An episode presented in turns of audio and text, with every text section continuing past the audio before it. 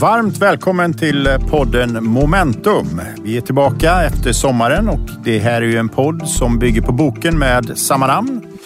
Av och med mig, Per Slingman. Och mig, Kjell A Nordström. Och den här podden är ju samproducerad ihop med bokförlaget Volante.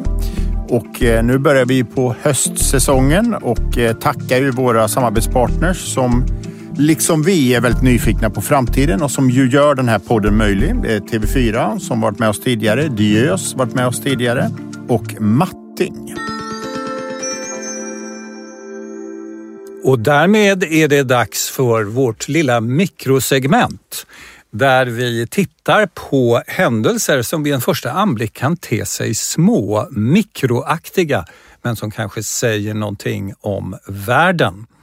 Och jag hittade någonting i The Guardian. Vi ska lyssna på ett inslag här. Namaskar. Sir, we have achieved soft landing on the moon. India is on the moon. Ja, det här är glada indier som konstaterar att man framgångsrikt har landat på månen och inte bara på månen utan på månens baksida. Och det här är ju, kan ju te sig som en liten händelse sett från vårt perspektiv men det är ju också berättelsen om hur vår värld nu håller på att bli större i ordets rätta bemärkelse. Ibland så pratar man om the golden billion, det är ju de industrialiserade länderna där vi själva ingår. Men förutom the golden billion finns det sju andra billions. Ja, jag, jag tycker också det är intressant att tänka på lite grann vad var någonstans vi människor är, hur vi ser på framtiden. Tittar man på den svenska diskussionen så är den ganska dyster. Den europeiska diskussionen är ganska dyster. Eh, men här får man ju känslan av ett land eh, som befinner sig i framskridande med och den ekonomiska tillväxten och företag som kanske går från Kina till Indien och så det är, det är verkligen en symbol känns det för en, en oligon som vi kallar det för på frammarsch. Jag eh, tycker just när man hör det där klippet att hela inslaget andas en enorm optimism. Mm, precis. Eh, och eh, dags för mitt, eh, min lilla spaning. Vi går eh, från Indien till Europa och till Tyskland. Och det här är ett klipp från Norddeutscher Rundfunk, NDR, som man kan säga är norra Tysklands radionätverk. Vi ska lyssna. Bus, U- und S-Bahn, Regionalzüge in alle Himmelsrichtungen. Da bekommt man richtig was geboten für 49 Euro. Na, ich freue mich total darauf. Ich zahle jetzt irgendwie für mein Abo 90 Euro oder sowas und dann 49 und dann deutschlandweit ist natürlich ein echter Schritt nach vorne. Ne? Ich habe noch ein Auto, aber das nutze ich dann eher so für weitere Touren. Ja, eh, för de som möjligtvis inte förstår tyska fullt ut så handlar det här klippet om... De dessa- få av er. De få av er, eh, om någon. Men det handlar alltså om Deutschland Ticket. Eh, och det här är en biljett man kan köpa i Tyskland för 49 euro i månaden och därmed får man egentligen åka på i princip all kollektivtrafik i hela Tyskland med undantag av snabbtåg.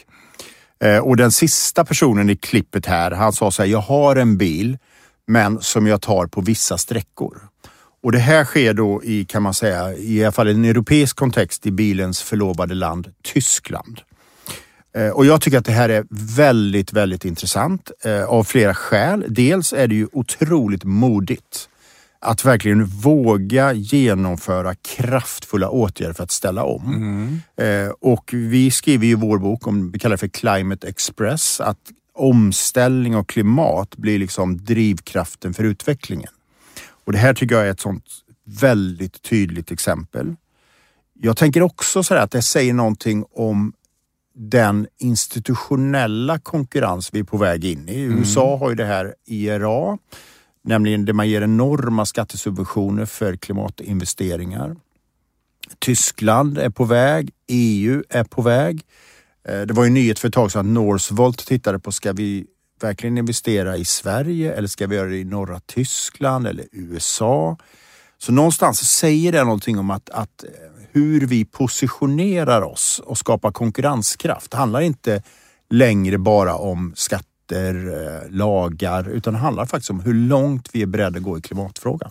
Och vad som är viktigt att komma ihåg är att företag fungerar ju inte i ett vakuum på något sätt alls, utan de formas ju av den miljö de verkar i. Och här sätter ju Tyskland ner foten och är väldigt tydliga med vad det är för miljö företag kommer att verka i. Definitivt. Jag tänker också på det här, den här globala talangjakten. Alltså vad är det som gör att, att talanger rör sig till olika platser och länder för att liksom arbeta, bo och leva. Och det här tror jag är någonting som skapar väldigt mycket attraktion och som, för att använda det gamla begreppet, sätter Tyskland på klimatkartan.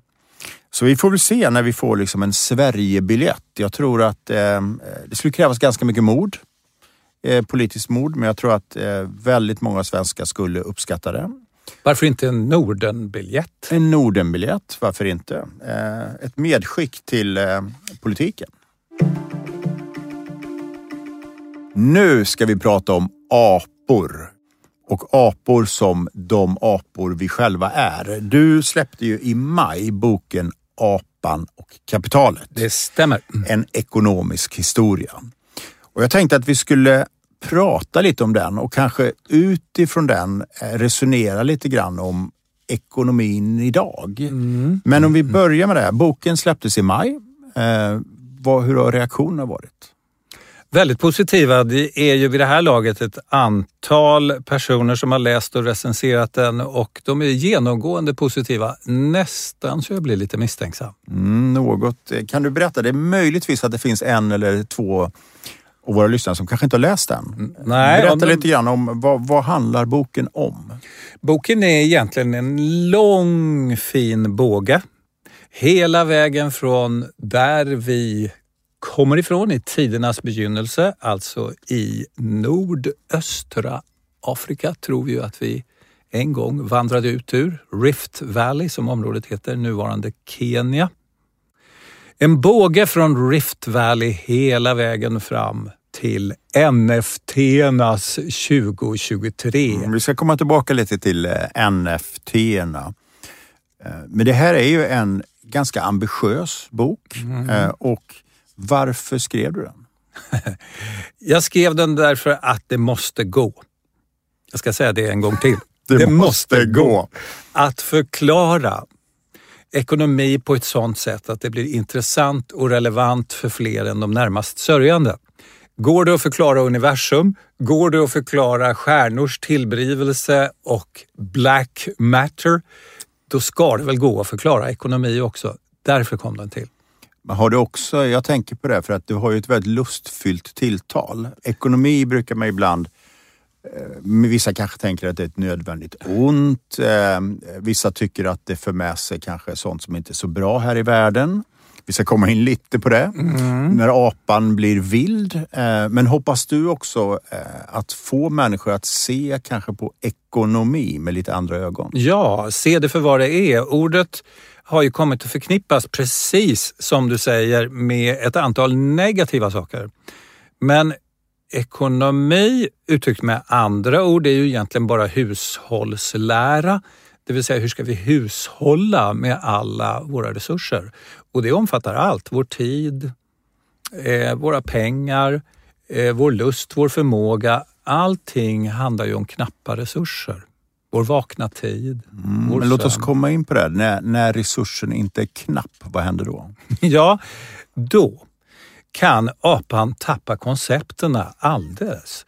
Och vi kan se ganska mycket exempel på det. Jag tror vi ska titta på några lite senare Mm, i programmet idag. Men eh, apan kan inte riktigt förhålla sig till saker som inte är knappa. Det är när det råder knapphet som vi känner oss bekväma. Det är vi vana Och då vid. kan man säga att ekonomin och marknadsekonomin fungerar. Ja, Och ibland pratar man om det här med marknadsmisslyckande, när marknaden inte fungerar. Mm. När vi inte kan prissätta när någonting är exempelvis luften, haven, miljön. Och det som vi idag ser effekterna av, för här har ju vi då upplevt långa, långa perioder, hundratals år, att det här har varit så att säga obegränsat, gratis, ta för dig. Och det har vi gjort utan gränser. Jag tänker så här, innan vi går in på lite mer boken så där, så den börjar ju någonstans om att vi upptäcker på något sätt ekonomin när vi byter saker med varandra Mm. och upptäcker det helt fascinerande och dramatiska i att vi kan byta någonting med varandra och båda blir lyckligare efteråt. Mm. Fram till idag med mycket mer av komplexitet, finansiella marknader och så vidare. Mm. Och då tänker jag så här, är detta skrivet ur ett svenskt västperspektiv eller skulle den här boken vara relevant och kunna läsas i alla hörn i världen? Den kan läsas i alla hörn i världen och den är i den meningen alldeles oberoende av plats. Den är oberoende av religion och bakgrund i övrigt. Därför att så fort vi människor byter med varandra, då inträffar det där märkliga, lite magiska fenomenet att båda kan få det bättre än vad de hade innan. Det är det som är själva drivkraften i ett ekonomiskt system. Och antagligen är det därför vi inte har blivit av med det här systemet. Mm, Men vi har ju också lite olika ekonomiska system, Mm. olika ekonomiska teorier runt om i världen. Det har vi. Eh, Men du, du menar att logiken är i grunden relevant, även om jag befinner mig i Nordkorea? Ja, och det problem Nordkorea har är att den här idén gör sig påmind med jämna mellanrum. Alltså kraften i att få byta Och, och re, regimen försöker så få människor att inte bli påminda. Precis. Och därför är det ett oerhört arbete att hålla den här idén i schack. Det är en för god idé. Ska vi byta? Ska vi byta grejer? Ska vi byta grejer med varann? Vi två hade ju en eh, bokcirkel i våras på NK. Eh, och då läste vi bland annat eh, Katrin Marsalls bok. Och jag tyckte det var så intressant för att jag läste då Apan och kapitalet samtidigt som jag läste Katrin Marsall eh, som jag högaktar på olika sätt. Men det som framträdde för mig det var två ganska olika syn på människan. Det Katrins utgångspunkt väldigt mycket uppfattar jag är arbete. Sådär, eh, människan säljer arbete eller människan köper arbete. Eh, sen kan jag tycka att det hände någonting när vi fick masskonsumtion, globala varumärken. Människan definierades och identiteten väldigt mycket som konsumenter. När man läser Apan och kapitalet så framträder, skulle jag säga, också en annan typ av bild där människan är en aktör i det här ekonomiska systemet. Man byter saker, man har entreprenöriella ådror i sig. Eh, Vi skapar efter byteshandeln skapar vi pengar som gör att vi förfinar hela systemet. Eh, Men någonstans om man säger så att mm, vi har sett människan utifrån ett perspektiv som arbete, köpa eller bidra med arbete, som konsument eller som kanske aktör i systemet. Var någonstans är vi idag? Ser vi någon typ av skifte i hur vi betraktar människan inom ramen för liksom, det ekonomiska systemet? Mm, jag har en eh, ganska bestämd känsla av att den allmänna upplysning och det faktum att vi delar idag så mycket kunskap och information har flyttat oss till en plats där apan inte bara är en aktör utan apan löser problem aktivt. Apan har blivit en problemlösare eh, som försöker med hjälp av det här bytandet lösa ett antal problem och kanske några av de största problem som vi människor har stört på hittills, till exempel eh, miljö och klimatfrågan. Där vi nu med hjälp av det här systemets inneboende kraft börjar byta längs med helt nya eh, riktlinjer. Jag skulle kalla apan för en problemlösare. Man skulle ju kunna skriva en annan bok också som heter Apan och demokratin. Som Mm. handlar om att inte att vi byter saker med varandra utan att vi faktiskt upptäcker att vi kan samarbeta med varandra. Vi skapar demokrati. Vi försöker lösa saker och ting tillsammans. Vi skapar samhällen. Vi skapar multilaterala samarbeten och allting. Och det har ju varit sättet för apor, oss människor, att lösa problem. Men vad du säger är kanske det att, att den här boken Apan och demokratin och Apan och kapitalet, att de någonstans möter varandra. Att människan som människa, aktör, också löser problem på egen hand genom konsumtion, genom företagande, genom innovation. Genom att vi också förstår vad det är för ett system vi faktiskt har skapat. Den inneboende kraften, både den destruktiva och den konstruktiva kraften i det här evinnerliga bytandet av grejer som vi har satt i, i scen. Och gradvis har vi börjat förstå, ja visst, det är enormt skapande å ena sidan, men det är också förstörande å andra sidan. Det finns en gud i den indiska hinduiska mytologin som heter Shiva som är både skapandets och förstörandets gud. Och det här är en sån kraft. Mm, jag tycker också det är intressant att du säger det här eh, och det kanske är lite mm, förenklat man säger så här, vi byter grejer eller saker med varandra. Men om man tittar på det ekonomiska systemet, vad vi byter med varandra, det är väldigt mycket tjänster, kunskap, eh, det är någonting annat vi byter. Och grejer försöker vi nu byta grejer som redan har an, varit använda via cirkularitet och så vidare. Så att det är också någonting att vi byter tjänster med varandra. Samma princip kan man säga, men vi erövrar nya områden och det blir därmed lite komplexare. Precis som du säger så har vi börjat förstå att en vara har inte bara en begränsad livstid. I vissa fall kan den ha obegränsad livstid. Den bara fortsätter att resa och bytas och bytas. Aluminium till exempel är en sån vara. Mm. Mer, mer alltså en tjänst än, det kanske är fel att säga till dig, men en klippning kan ju utföras eh, vid ett tillfälle och sen är den utförd. Den är svårare att multiplicera. Precis, den förbrukas i ögonblicket. Mm, så att precis. Så att det är, men, men samma logik gäller även, skulle du säga, i tjänstesamhället. Ja, det gör det. Gradvis så har vi också förstått att vi kan ta maskiner, vi kan ropa in maskinerna på banan. Eh, artificiell intelligens är ju en potentiell serviceproducent. Absolut, som gör också att vi kan liksom mångfaldiga det som tidigare inte gick att mångfaldiga. till i vissa fall en kostnad som är noll Precis. när investeringen väl är gjord. Noll och snabb. Noll och snabb och det är ett tillstånd som är lite svårt för ekonomer att hantera. Jag tänker på en, en annan eh, frågeställning eller aspekt som ju har varit i centrum för diskussionen väldigt länge. Och jag kommer ihåg, jag tog min examen på Handelshögskolan i Göteborg tror jag, 1991, så det var ett tag sedan.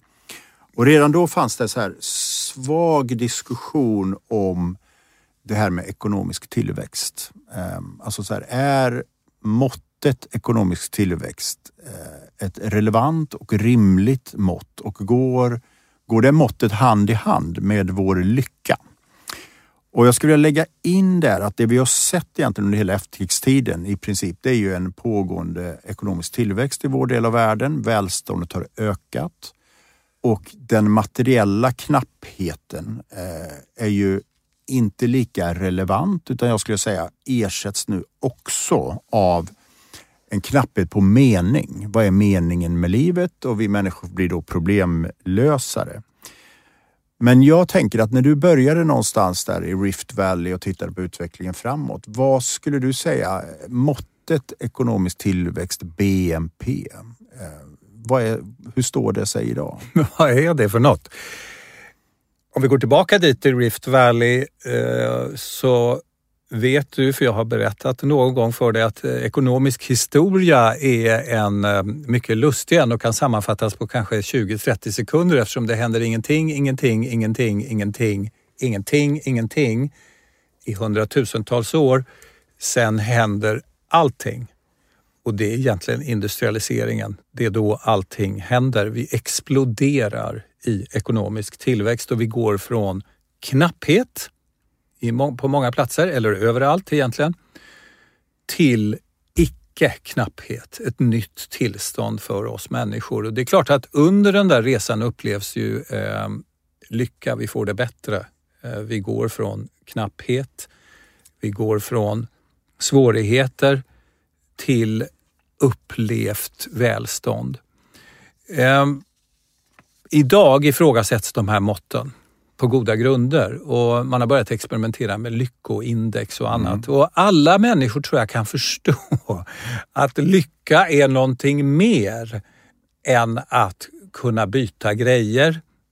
Lycka är någonting mer än inkomst och bruttonationalprodukt. Det inser vi. Det där, det där var ett mått som vi använde i början och det fyllde någon sorts eh, funktion för att se att vi rör oss framåt, det blir bättre i någon sorts ekonomisk mening. Men att lycka är ett mycket, mycket större begrepp. Det här är ju bara en delmängd av lycka. Mm, men vad, vad tror du framöver vi kommer få se för typ av mått när vi mäter ett lands fortskridande? Mm. Det har ju varit väldigt fokus på sysselsättning, BNP, den typen av indikatorer. Vi har ju sett sen eh, de, de sista tre decennierna skulle jag säga, de första kom för ungefär 30-35 år sedan, försök att ranka länder i termer av lycka. Och då finns det två huvudsakliga vägar att gå. Det ena är att fråga människorna om de är lyckliga. Hur är du lycklig på en skala från 1 till 10? Någon sorts självranking och då gör man det. Och lyckligast i världen är då finnarna där de får ranka sig själva tätt följt av danskarna. Det var danskarna förut, men nu har finnarna gått om. Det kan ju te sig lite konstigt. Ehm, Men jag frågade mina finska kompisar och då säger de, hörde det är inte så jävla svårt. Man går upp på morgonen och tror att det ska gå åt helvete och så gör det inte. Det är fantastiskt. Och då blir man glad varje dag. Ja, precis. Allt handlar om förväntningar. Allt handlar om förväntningar.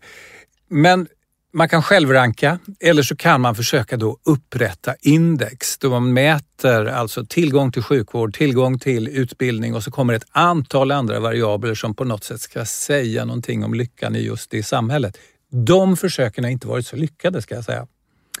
Att försöka mäta det på det här mera objektiva, eller i vart fall tänkt objektiva sättet. Så idag är vi sittande med de här indexen där man själv rankar. Ungefär som när man går till doktorn och någon frågar om du har ont, för det kan man inte objektivt avgöra utan man får fråga patienten. Och någonstans så kommer vi in på det här allmänna problemet med vår vilja att mäta. Ja, Därför att vi landar och bestämmer oss för att vi måste kunna mäta. Så det, det som styr oss är vad vi kan mäta, inte vad vi vill alltid. Det är alldeles sant och många gånger så blir det ju så att vi blir sittande med det vi kan mäta fast det är långt ifrån det som vore önskvärt. Men vi kan ju mäta det så får vi förhålla oss till det. Och ri- rimligtvis borde det väl vara så att om du har jag rätt i spaningen att omställning, klimat eh, blir styrande väldigt mycket, framförallt i vår del av världen de kommande åren, så kanske allt mer mått också handlar om hur vi presterar relativt omställningen. Ja, och vad som sker idag, just nu medan vi sitter här, är ju att det pågår ett antal mycket seriösa försök och jättestora studier där man försöker plocka fram mått på hur framgångsrikt ett företag är eller en region är just i omställningstermer. Alltså hur mycket det här företaget eller den här verksamheten bidrar till att reducera koldioxid koldioxidutsläpp till exempel. Men där man då på något tänkt objektivt sätt ska klara att ha en redovisning precis som man har Mm, ja, men absolut. Jag har ju tittat mycket, vi har ju tittat mycket på städer, cirkularitet och det finns olika rankingar Ja. och så vidare. Så att någonstans kanske det är lite grann eh, för länder och för städer och samhällen som för företag. Det är ju så att företag som bara fokuserade på tillväxt eller på att vi ska öka vår vinst är ju företag som blir väldigt andefattiga, som saknar mening, som saknar riktning och som inte förmår engagera människor. Utan företag som vill någonting, som vill aspirera på någonting, åstadkomma någonting, förändra en bransch, vara innovativa. Det är de som lyckas. Nu är vi där igen med apan som har börjat lösa problem på ett väldigt aktivt sätt och i den meningen Jag tänker också de aporna som sitter i ett lands styre. Eller i en stads styre. Apan som borgmästare. Ja. Kanske allt mer också måste tänka mer kvalitativt. Och då kommer man in på det också att ha en idé, en berättelse vart man vill någonstans. Eh, så slutsatsen kan kanske vara att vi kommer få se att det kvantifierbara kommer att spela en mindre roll framöver. Det är mycket möjligt så därför att vi har inte tid att vänta på att vi har utvecklat perfekta system för att mäta. Precis. Vi är under press och det vet alla. Och eh, de ledare i företag eller i samhällen som förmår skapa berättelser som engagerar kommer att vara så mycket viktigare än det som går att mäta. här idag. Och det finns ju till och med forskning som säger att vi människor är beredda att ta till oss en berättelse som vi vet inte är sann. Därför att den är mycket roligare och engagerar mer. Ja, man får vara del av en trevlig grupp. Man får vara del av någonting, en rörelse. Eh, en annan frågeställning som ju lätt väcks, det är ju när man lägger ihop eh, den här apan med eh, de resonemang om man tittar ut i världen och ser att världen består av ett antal oligoner som befinner sig i olika utvecklingsfas, som har olika fokus. Ryssland exempelvis har ju kanske något annorlunda fokus än vad vi har kopplat till omställning, klimat, jämställdhet, den typen. Mm. Eh, så frågan är liksom, hur mår apan idag? Eh, och jag tänkte som en liten intro till detta så ska vi eh, bege oss till TikTok och lyssna på två stycken väldigt korta klipp som säger någonting om hur vi faktiskt har lite olika känslostämningar just nu. Vi ska börja med Roger Wu som är en kinesisk TikTokare med ungefär 700 miljoner följare som berättar om företagandet i Kina. This lucky man has recently made big money with his powder compact and is now building his third factory in China. Här har vi alltså en apa som på något sätt är i högvarv. En vild apa som nästan befinner sig mitt i industrialiseringen. Det är nya fabriker. Och glad, Och väldigt glad och klipp efter klipp. Det finns ett annat klipp som handlar om att hans stolthet berättar om att här gör vi klänningar för 4 dollar och 8 dollar och kan sälja dem för 100 dollar. Ehm, och vi ska lyssna på ett annat som kanske kan ses som en liten kontrast. Här är Miranda Marty från Colorado Springs. Hi, my name is Miranda, and these are the 10 things that I remind myself to do when I get the urge to shop. Hon berättar alltså hur hon undviker att konsumera. Vi skämtade lite grann när vi tittade på det här tidigare om att hon håller på att försöka bli nykter i relation till konsumtionen. Men det finns ganska starkt så här antikonsumism, antikonsumtionsrörelse. Och sen så kan vi till det kanske lägga det här klippet vi hörde innan om Indien som ju någonstans är att ta parti, liksom agera som en nation i framåtskridande, now is the moon. Så frågan är, hur mår apan idag? Apan mår... Det beror lite på vem av dem vi frågar. Låt mig bara först komma tillbaka till att vi är formade av evolution. Det är ju den kunskap vi har idag om oss människor. Den där apan som sen blev människa. Vi är formade av evolutionen och den evolutionen den mm, har varit ensam många gånger men vi har haft en följeslagare vid vår sida hela tiden fram till i princip idag och det är knapphet. Det har varit dåligt och knappt om resurser och det är hela vår organism tränad i att hantera. Vi är duktiga på att hantera svält, vi är duktiga på att hantera det faktum att det inte finns vatten. Vi är duktiga på att äta bara en sak under lång tid. Vi är designade för att klara knapphet. När den apan katapulteras in på ett Walmart i USA och får vara där ett tag, då kan man bli som Melinda här som vi hörde. Det vill säga, det går alldeles... Våra system fungerar inte. Här råder ju inte knapphet. Äh, det råder inte knapphet på Walmart, men man kan säga att det råder ju heller inte knapphet att använda jordens resurser med utsläpp, ehm, miljön, luften, haven. Ingenting. Det finns inga signaler här som tyder på knapphet. Och nu, vårt extremt sofistikerade system havererar. Mycket forskning idag på obesity och på övervikt indikerar att våra system havererar i en vanlig matvaruaffär i eh, västvärlden. Vi klarar inte det här så att säga. Därför våra system säger ät nu, ät mycket, ös på och ta gärna av det som det är extra mycket näring i, för det kan vara slut imorgon. Men problemet är att det är inte slut imorgon. Det kommer en ny dag och det är en ny full rulle igen. Det är buffé hela dagen. Buffé 24-7 non-stop och då kan man ju förstå att apan blir ledsen. Mm, så då måste ju apan eh, liksom hitta sitt eget sätt att hantera detta. Ja. Och skälet till att vi har behov av en klimatomställning det är att vi har haft liksom, tillgångar som inte har varit prissatta, eller hur? Som har varit fria. Totalt fria, eller vi har upplevt att de har varit oändliga. Oändliga, precis. Med vår lilla, lilla kunskap, mycket Då begränsad. har naturen eh, blivit som en buffé. Den har tätt sig totalt oändlig, så som vi idag upplever rymden, att den är oändlig. Och så har vi upplevt haven, så har vi upplevt naturresurser i stort. Fisk, fågel, tillgångarna har varit oändliga. Så då är ju lösningen någonstans att prissätta det som har varit gratis. Och det är vad vi gradvis nu håller på att göra. Sätta pris på allt som vi använder och då händer det saker i det ekonomiska systemet. Vi har en diskussion nu runt om i världen till exempel om det som kallas för överturism. Den är snabbt växande. Vi har ju upplevt att det är en sån där resurs som är oändlig att åka och besöka en plats.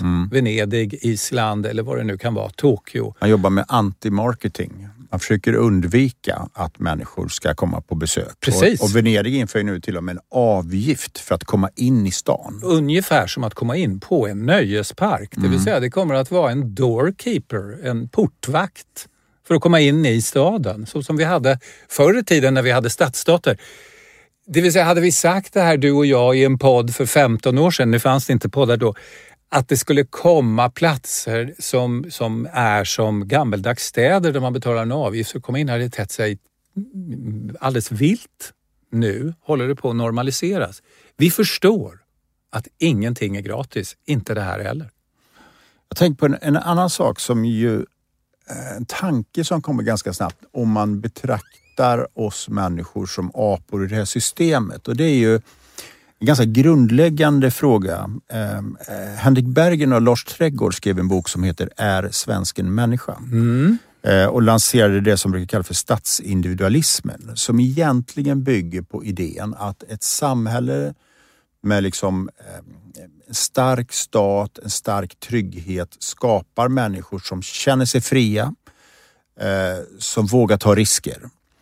Eh, och det här har gjort att ett land som Sverige, vi har toppat listan på det mest kreativa landet det mest produktiva och innovativa och vi har massa spännande varumärken. Och Och då någonstans uppstår en skiljelinje lite grann mellan den mer amerikanska idén som kanske snarare handlar om att ha mycket incitament. Alltså att om du lyckas med någonting så ska det verkligen löna sig. För dig. För mig. Och då är frågan så här, eh, och här har vi då, är det en trygg eller en hungrig apa? Vad, har, vad vill vi eftersträva vad är mest effektivt för utvecklingen? Vad, tror- vad tror du där? Om vi tänker, leker med tanken att den svenska apan, vi har idén om att trygghet är viktigt. Är man trygg vågar man vara kreativ, vågar man ta risker. Och det kanske den amerikanska idén att man ska vara lite mer hungrig och är man hungrig så vill man någonting men det ska också löna sig väldigt mycket. Mm. Och båda de där två är ju ganska dramatiska förenklingar så att säga, där vi vänder oss till våra, vår, våra mest primitiva och ursprungliga känslor. Den ena är en känsla av rädsla, det vill säga att den sätter fart på oss och det gör den bevisligen också. Är vi rädda så blir det rulle på oss. Vi springer fortare, vi hoppar högre. Vi måste för vi är rädda. Eh, det är naturligtvis så att trygghet också är väldigt lockande för oss, men i dess yttersta form så är den ju också väldigt nedlugnande, nästan eh, zenbuddhistiskt lugn infinner sig vid någon punkt. Svaret ligger i det vi pratade om. Eh, det är ju naturligtvis att hitta sätt att mäta det här som jäckar oss så mycket lycka. Och då ingår både naturligtvis trygghet och rädsla eller frånvaro av rädsla i någon sorts eh, blandning som är det mycket mer sofistikerade måttet. Så är det ju såklart, men sam, samtidigt så om man då du, du, du använder ordet förenkla, man skulle kunna prata om att man använder ordet aggregera. Det är ändå två stycken ganska tydliga politiska idéer. Absolut. Om hur ser vi människan som en del av vårt samhälle för att främja utveckling? Är det, är det trygghet som skapar förutsättningar för innovation som vi vet, skulle jag säga, över hela världen är det som driver utveckling? Eller är det att vi också känner den här hungern att alla föds liksom utifrån samma, med samma möjligheter och det är vår hunger, vår innovation och vår liksom, arbetsförmåga eh, som skapar resultat. Och det är klart att sanningen ligger som alltid någonstans mitt emellan. Eh, men det är intressant om man just har, anlägger det här perspektivet och ser att det finns ganska tydliga vägar att gå. Som Absolut. skiljer sig åt eh, mellan inte minst det mer kanske nordeuropeiska och den amerikanska synen. Antagligen är det också så att när nu världen blir så mycket större, vi har ju lyssnat på några klipp här idag som illustrerar att vi har producerande delar av världen med fokus på produktion. Vi har konsumerande delar av världen med ett väldigt fokus på konsumtion. Så kommer de här att existera parallellt med varandra. Det är ju också troligt att eventuella lösningar för hur man skapar de bästa möjliga omständigheterna kommer att variera mycket mer mellan världsdelarna än vad vi har trott att de ska göra historiskt. Det vill säga, några har kallat det här för multipolaritet när man har diskuterat utvecklingen i det politiska systemet. Och med multipolaritet menandes att det kommer att vara flera som är med och styr och ställer i världen utifrån olika utgångspunkter. Det är väldigt intressant att världen på ett sätt blir mer olika. Ja. Hade vi backat bandet tio år så hade vi sagt att världen blir mer och mer lika. Vi styrs av samma populärkultur, globalisering.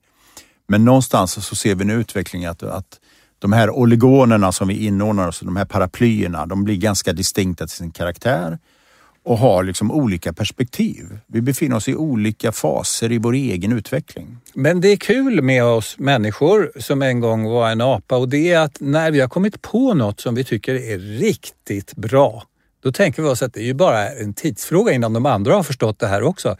Och vi trodde nog att det där vi hade kommit på med industrialisering, liberalisering, demokrati, det, men det kommer de andra att göra också. Det kommer de att sätta fart och göra på en gång så blir det så här bra som det är hos oss. Eh, Sverige, många av oss tänkte nog att det är ju bara en tidsfråga innan hela Europa har förstått att man ska göra som vi gör här uppe.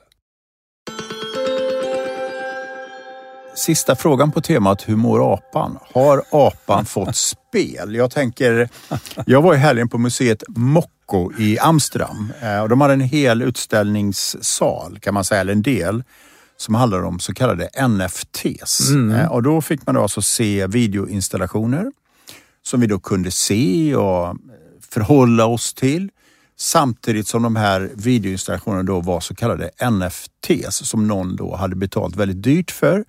För att så att säga äga den enda eller den upplaga av de här NFTs som finns. Och det är lite roligt för att en av de första så kallade NFTs, jag vet inte om ni minns det, hade ju just eh, en apa som symbol och människor betalade otroligt mycket pengar för den. Hundratals. Så vi betalar alltså för någonting som är väldigt, väldigt fiktivt och teoretiskt. Non-fungible tokens, om man uttalar Mm. NFT. Rätten att äga ett digitalt konstverk. Det är det man betalar för. Rätten att äga ett digitalt konstverk. Och då ligger det där fint i en blockkedja och du kan gå in och titta på det och dela det med någon annan. Och så kan man skratta gott åt det där för det verkar ju alldeles weird. Och att betala mycket för den rätten som ligger där i en blockkedja. Man kan tycka att det fortfarande är weird. Jag tror för mig tror det ungefär sex månader för att överhuvudtaget förstå detta. Ja, men jag säger igen, vad det är är alltså rätten att äga ett konstverk och ett digitalt, i det här fallet ett digitalt konstverk. Om man för ett ögonblick låter bli att skratta och tänker istället på när fotokonsten uppfinns, alltså tekniken för att fotografera, så hamnar vi egentligen i samma situation. Här har vi ett helt skrå av människor som lägger ett helt liv på att försöka avbilda en vas, på att försöka göra ett stilleben som är så naturtroget som möjligt. Och sen kommer en maskin som avblickar, avbildar det här på en tusendels sekund, som kan göra det i massupplagor.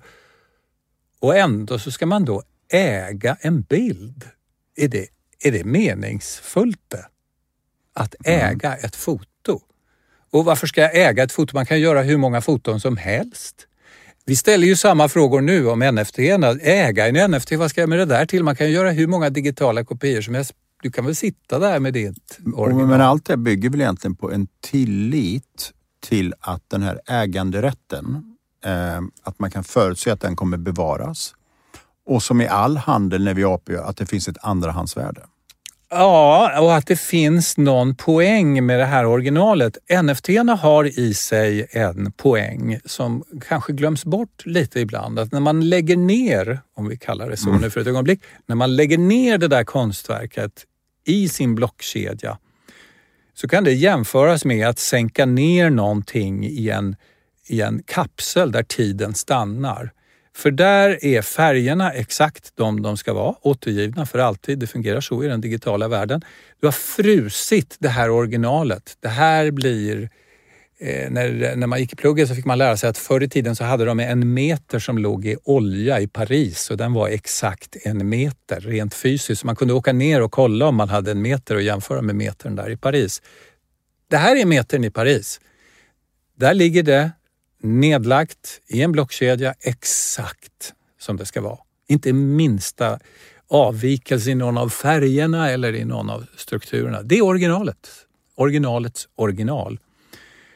Så här äger man då någonting som man skulle kunna säga är eh, likaren. Men som du säger, det förutsätter vi att det måste finnas någon annan som uppskattar Och en det tillit till system. För att äga ett digital, digitalt original, det är ju ett digitalt original Ja. som kan mångfaldigas. Men mångfaldigade av originalet har inte alls samma värde. Vad, vad man märker här är också att vårt samhälle och det ekonomiska systemet har blivit mycket mer teoretiskt. Det är väldigt få när du reser som är intresserade av Per Schlingmann. De är bara intresserade av ditt pass när du kommer till USA. Ja, men du försöker förklara, jag är Per Schlingmann och jag jobbar med det och det. Det är vi inte intresserade av. Vill bara, de vill bara titta på ditt pass. De vill inte titta på dig, de vill inte höra något om dig, de vill bara se ditt pass. Det vill säga det är abstraktionen av Per Schlingmann de är intresserade av.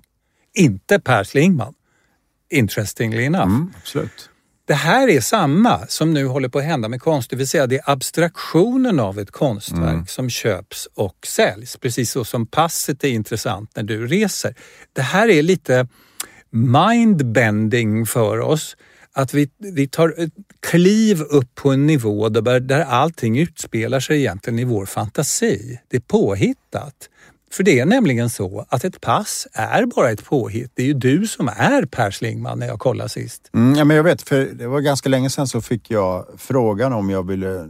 Det var en, man sålde eh, olika delar av världen som NFTs. Ja. Så fick jag frågan om jag ville köpa Eiffeltornet. Mm.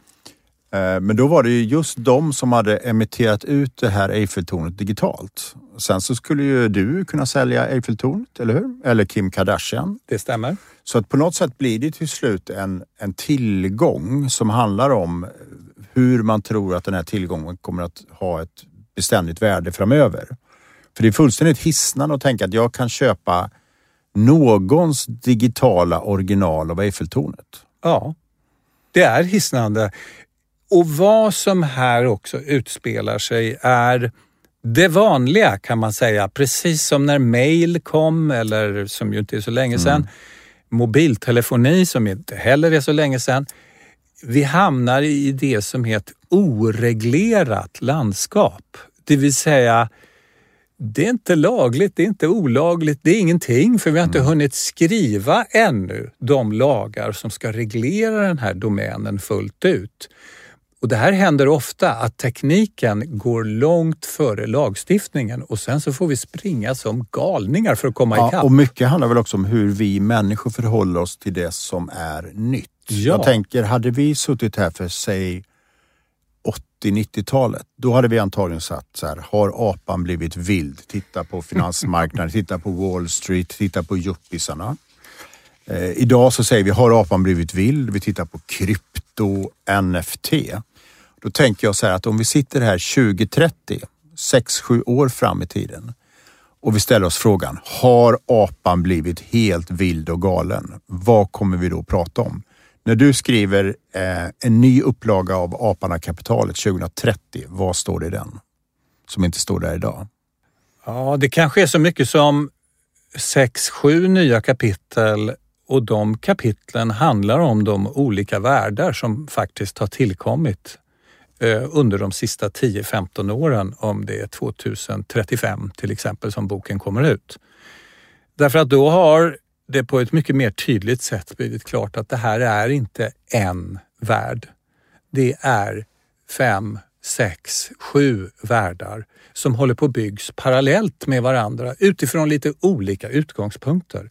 Så i den meningen har det sannolikt blivit en mycket längre bok där de här världarna avhandlas var och en för sig och med, med respekt för att de är så olika och där jag inte försöker som författare pressa in dem i en och samma logik så som jag gör i den här boken. Mm. Ska vi låta den här spaningen om att världen blir allt mer olika eh, och där det vi kallar oligoner med egna etiska system, digitala ekosystem, kommer bli allt tydligare och definiera hela världens utveckling. Ska vi låta det bli slutordet i det här avsnittet?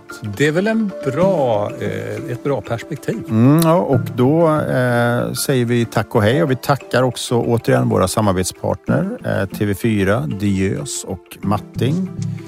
Eh, och ni har lyssnat på podden Momentum av eh, Kjell Kjell Nordström som eh, har berättat idag om Aparna Kapitalet och mig, Per Slingman. Och vi har gjort det här i samarbete med Bolante.